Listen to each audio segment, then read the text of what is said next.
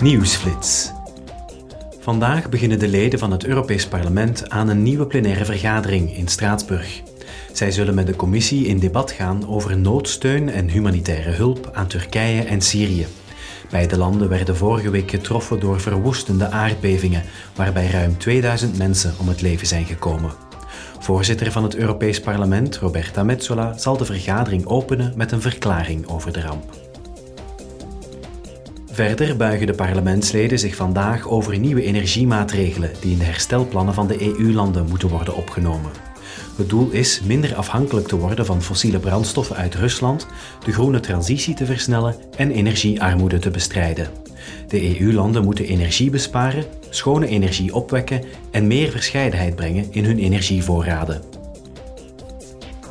Morgen zullen de parlementsleden vragen stellen aan de Europese Commissie in verband met uitbreiding van de EU.